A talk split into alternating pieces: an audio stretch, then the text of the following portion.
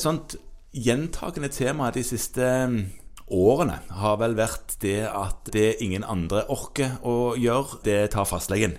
Ja, det er jo det vi er til. Bord og fange, og når ingen andre gjør det, så dumper det ned til deg som fastlege. Og du får spørsmål om å skrive attest fordi man ikke kunne ta den reisen, og, eller ikke orker få til å trene på helsestudio, eller trenger noe sko med en såle, eller hva som helst, og du sier ja, ja, ok, la oss se på det.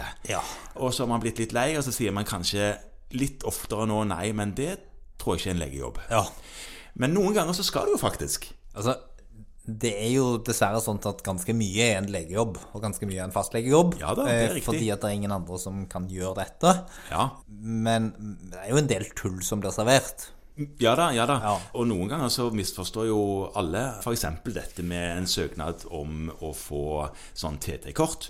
Det er ikke fastlegen som søker. Nei, veldig god presisjon, Morten, fordi at det er veldig sjelden fastlegen som søker. Ja, det er egentlig pasienten eller Ja. brukeren. Ja. Fastlegen skal komme med medisinske opplysninger. Mm. Det må vi derimot ganske ofte gjøre.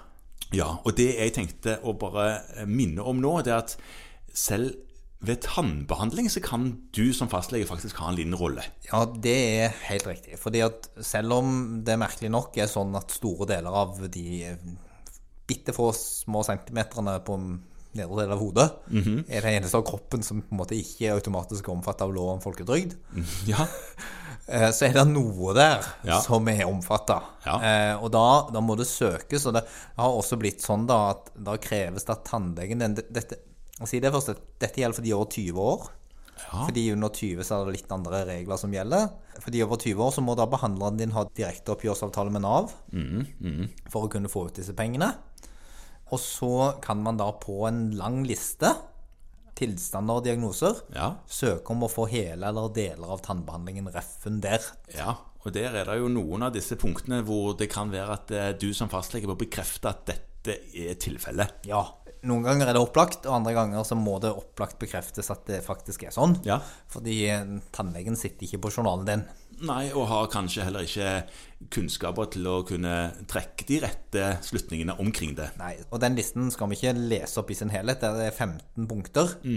Men hvis man går inn på helfo.no og søker på tannbehandling, så vil du finne en side som heter tilstander, som kan gi rett til stønad til tannbehandling. Ja, og det er jo en passe diffus tittel. Ja, Fordi det står ingenting om at du får, eller at dette er done deal og garantert og 100% sikkert, men det kan være at du har rett ja. til det. Og da kan det innenfor disse, og det, det er en sånn side som de veldig, veldig lite overarbeida fastlegene med god tid i hverdagen sin kan gå inn og kikke på hvis de har lyst. Ja, Hvis du er ferdig med alle andre sider som du er inne på, så kan du komme til denne. Ja, og hvis ikke så kan du gå inn og kikke på den når du har pasienten på kontoret. Ja, ja. For å se på er denne tilstanden noe som omfattes. Og eh, så hvis man da, da klikker på disse tilstandene, så kan man da få litt mer informasjon om hva det er som blir refundert, og hva som skal til, sånn at du kan se om de journalopplysningene du sitter med, er gode nok. Ja.